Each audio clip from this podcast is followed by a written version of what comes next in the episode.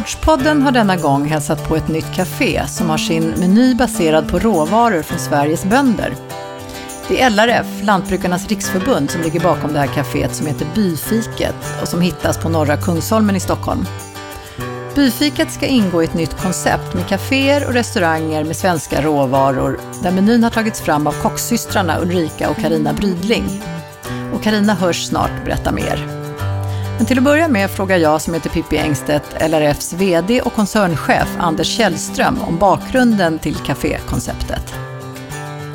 Ja, hur kommer man på bra idéer? Alltså det är väl interaktioner mellan en massa olika saker. Men det börjar egentligen när vi jobb, började jobba med LRFs livsmedelsstrategi. Att vi identifierar ett antal områden där vi måste, måste bli mycket duktigare i Sverige. Och det här är ett. Alltså Eh, och vi tyckte att vi hade ett koncept ute på Sånga Säby som man skulle kunna göra någonting av. Sånga Säby är? Och Sånga Säby är vår kurs och konferensgård väldigt många var. Det startade 44 så att det och där har man sedan 20 år tillbaka verkligen lyft eh, bra svenska råvaror och liksom genuina svenska maträtter. Men i konferensform? Ja, precis. Liksom. Ja, visst. Ja, ja. Och det var väl där tråden började utvecklas. Så skulle man kunna göra någonting mer av det? Själva den idén då. Och försöka möta konsumenterna i Stockholm men också runt om i Sverige med ett nytt koncept. Mm. Kommer du ihåg gången när ni började prata om det mer konkret? Att det här kan vi sprida. Var du med då? Eller är det...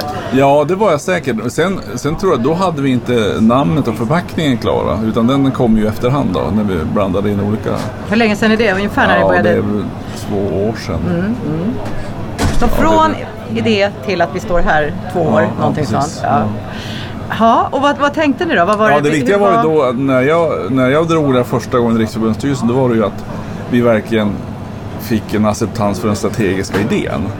Alltså varför gör Sveriges bönder det här? Jo, därför att det finns ett mervärde i den svenska produktionen som måste hitta nya och bättre vägar att ta sig ut på marknaden. Och också till viss del att det småskaliga måste få möjlighet att bli storskaligt om man säger så.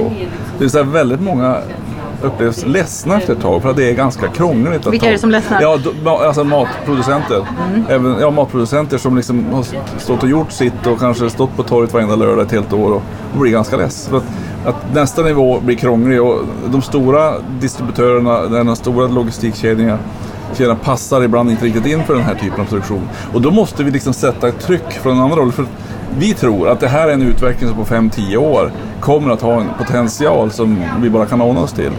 Och då måste man börja i det lilla sammanhanget för att möjliggöra att ja, skapa trycket i, i kedjan, systemet. Mm. Att vi nu till exempel har fått ett samarbete med ICA som innebär att de säger att de ska öka andelen svenska råvaror och svenska livsmedel i sina butiker. Alltså det är en jätteframgång för oss och det skiljer sig markant från den tidigare strategin där det egentligen bara var det lågpris som gäller. Och är det bara lågpris som gäller i Sverige då har vi snart fasat ut det svenska jordbruket. Men bör vi utveckla mervärdesmarknaden så kan vi faktiskt också se oss som en aktör på den europeiska marknaden. Mm. Är det en förlängd tanke av bilfiket Absolut. Ja, men alltså, Om vi jämför oss med de flesta andra länderna i Europa så vet vi att vi har en potential att producera mer. En, en siffra man kan komma ihåg att vi odlade som mest på 4,9 miljoner hektar åkermark 1930. Och nu odlar vi på 2,5 hektar. 2,5 miljoner hektar. Mm. Mm, mm. Eh, de flesta andra länder har ingen mer åkermark att nyttja. Och vi har potential i, i, en värld som efterfrågar så mycket mer livsmedel framöver. Eh, tillbaka till byfiket där vi står mm, som ja. öppnar nu. Eh, när, när, kom du in i bilden Karina? Nej men vi har väl kommit in, det är jag och min syster då, eh, Ulrika. Vi kom in för alltså, lite över ett halvår sedan. Mm. Och vad, vad var första frågan till er då? Nej, men det handlar egentligen om att titta på matkonceptet, alltså hela den biten. Och den är ju ganska stor. Visst, det är ju jättemånga delar i det här. Det är ju inte bara att, liksom, med maten, men, utan det är ju även inredning och hur det här ska presenteras.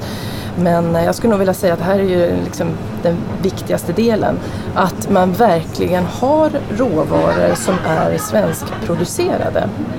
Vi har ju jobbat länge med eh, ekologisk mat, eh, drivit en verksam, stor verksamhet med bara eko.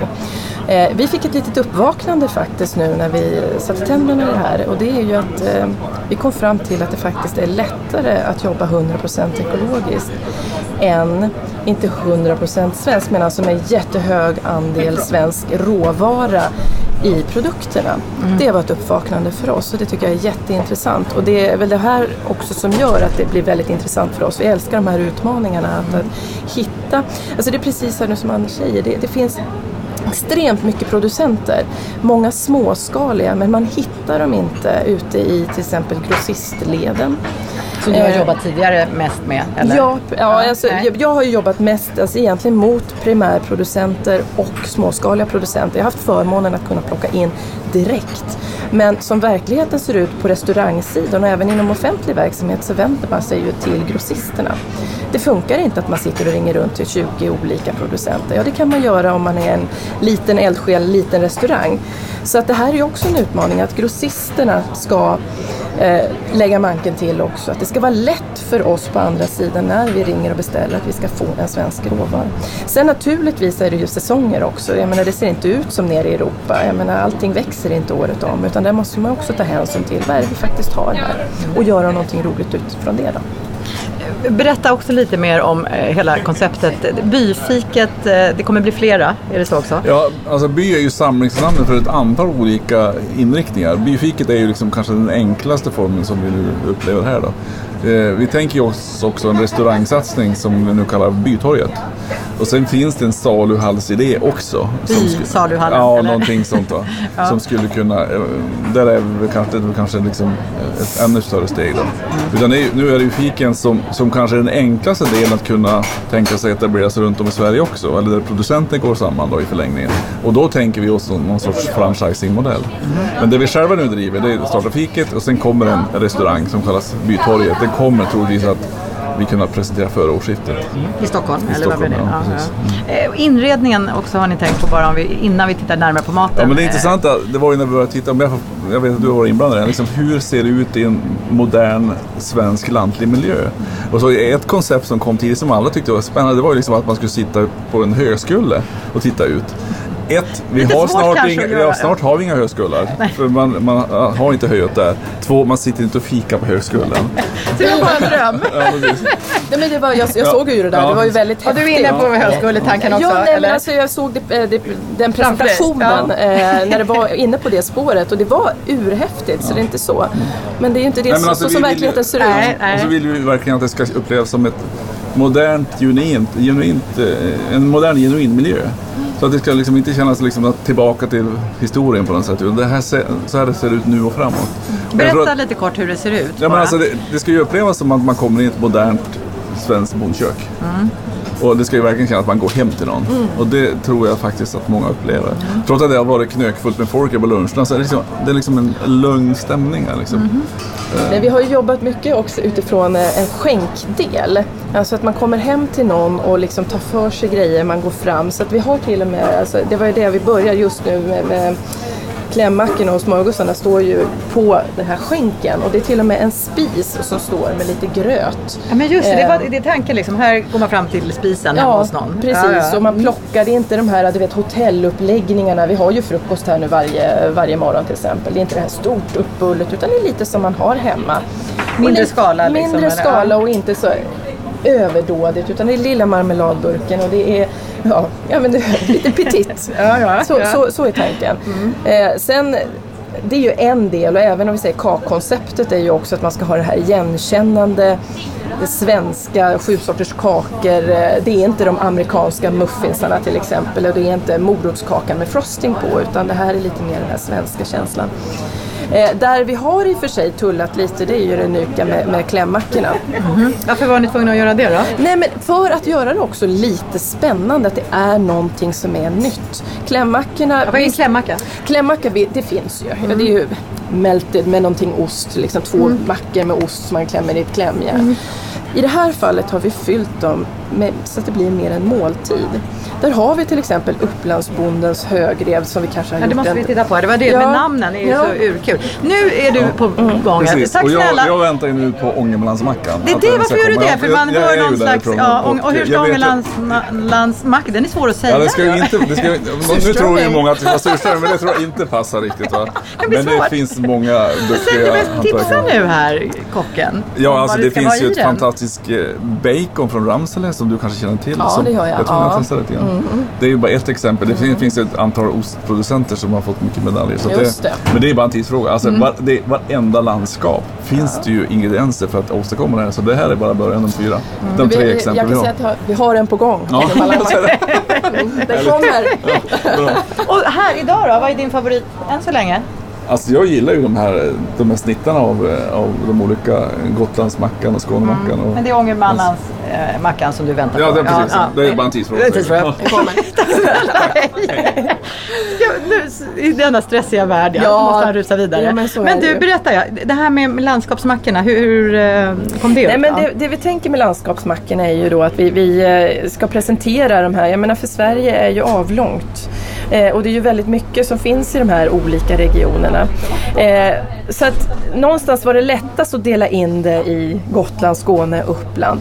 Och varje, jag ska säga, vi kommer att köra tre mackor tre månader. Och det här är nu juli, augusti, september egentligen. Som vi och då var det. Upplands, Gotland Uppland- och Skånemackan? Ja, precis. Och det som vi gör är att vi fyller dem, alltså gör det lite matigare, att man känner att man får en må- måltid. Som Uppland nu då med, med högrev, eh, som vi har gjort en lite nu modern tappning på, pulled pork variant. Så. Det ska vara modernt Ja, det ändå. ska vara lite modernt, men vi måste göra det lite Ja, ja. spännande också. Eh, eller så vi säger som Gotlandsmackan som är med, med en eh, ramslöks eh, pesto och det är en lammsmäcka i då. Eh, Skånemackan är viken tomater, eh, alltså lite mer grönsaker. Det är klart vi måste ju tänka på att det liksom måste finnas ett vegetariskt alternativ och så vidare. Sen kommer vi att byta det här och så blir det liksom, går vi till nästa region och det gör det ganska spännande för vi pratar nu här nu med Anders till exempel, jag menar Ångermanland, ja då tänker man surströmming. Men det här med ostar, man skulle kunna göra en modern Ångermanland macka. Hur skulle den Eh, kunna vara? Till exempel med en lokal ost. Alltså till exempel med, med jag vet att det finns bra fetaosttyper där uppe. Eh, man skulle kunna ha, jag menar det kommer gå lite mot vinter, man kan använda sig av frysta ärtor till exempel som man gör en pesto på. Men att då få det vara det som är talad med den här osten så att säga. Att det är det som gör att det blir, det finns ju andra produkter, nu bara spottar jag ur Ja, mig ja, saker. Men blir det här en nu. Ångermanlandsmacka det nästa kommer period? absolut För att att bli. lugna Ja, Anders. precis, absolut.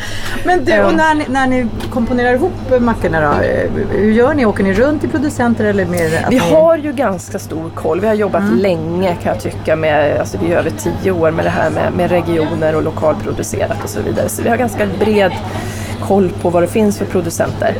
Eh, sen är det ju naturligtvis, nu är det ju vi i Stockholmsområdet. Eh, så att när det sen kommer till till exempel frukosten och så, då försöker, och, och, och ostar och sånt, så försöker vi använda oss av Ska vi titta lite vad vi har? Ja. Precis. Det som är mer nära här? Ja, ja. Så, så, så tittar vi ju på. Och samma sak, jag menar kommer det, kommer det nu bli att det utvecklas liksom till till exempel Umeå som exempel. Då ska man ju kunna ta charkprodukter från det området.